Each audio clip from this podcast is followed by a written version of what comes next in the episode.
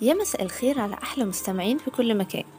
أهلا بيكم في آخر حلقة من برنامجكم قصة إرادة معاكم نورة حمدي أخصائية التخاطب. في البداية حابة أشكر أستاذة هبة صقر لمشاركتي في المدونة وأتمنى تكون الحلقات اللي فاتت عجبت حضراتكم. النهاردة معانا قصة جديدة.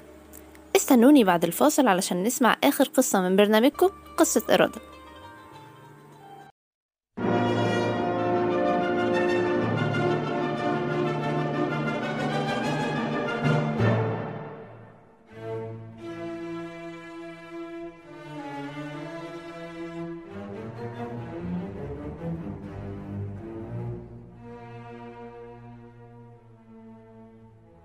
ورجعنا لكم تاني بعد الفاصل ويلا بينا نحكي آخر قصة معانا في برنامجنا.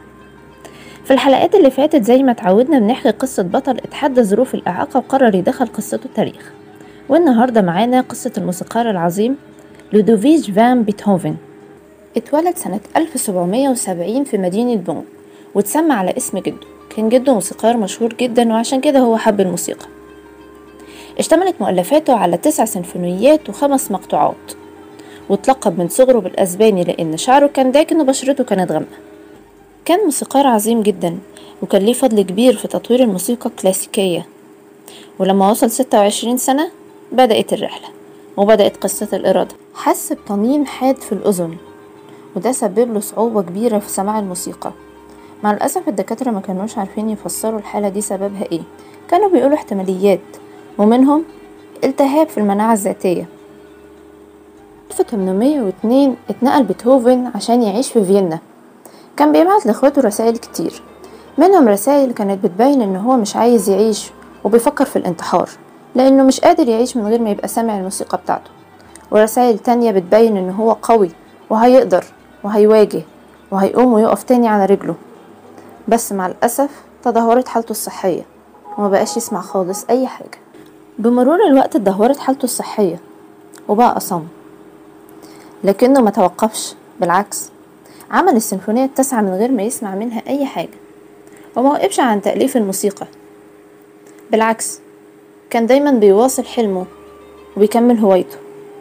كانت الحاجة الصعبة عليه إن هو يعزف في الحفلات وكان آخر ظهور ليه هي السيمفونية التاسعة.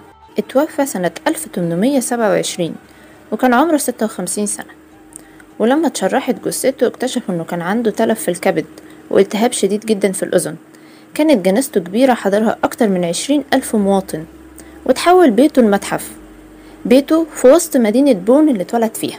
وبكده تكون انتهت آخر قصة معانا النهاردة وانتهى برنامج قصة إرادة. هتوحشوني جدا. أتمنى تكون القصص عجبت حضراتكم وأتمنى أكون فدتكم وقوتكم ولو لدقيقة واحدة بس. مفيش مستحيل ومفيش حاجة هتوقفنا مهما كانت الظروف هنحقق أحلامنا. هتوحشوني أوي. كانت معاكم نورة حمدي وبرنامجكم قصة إرادة برعاية مبدعون تحت إشراف أستاذة هبة صقر. كل سنة وحضراتكم طيبين وعيد سعيد عليكم يا رب. السلام عليكم.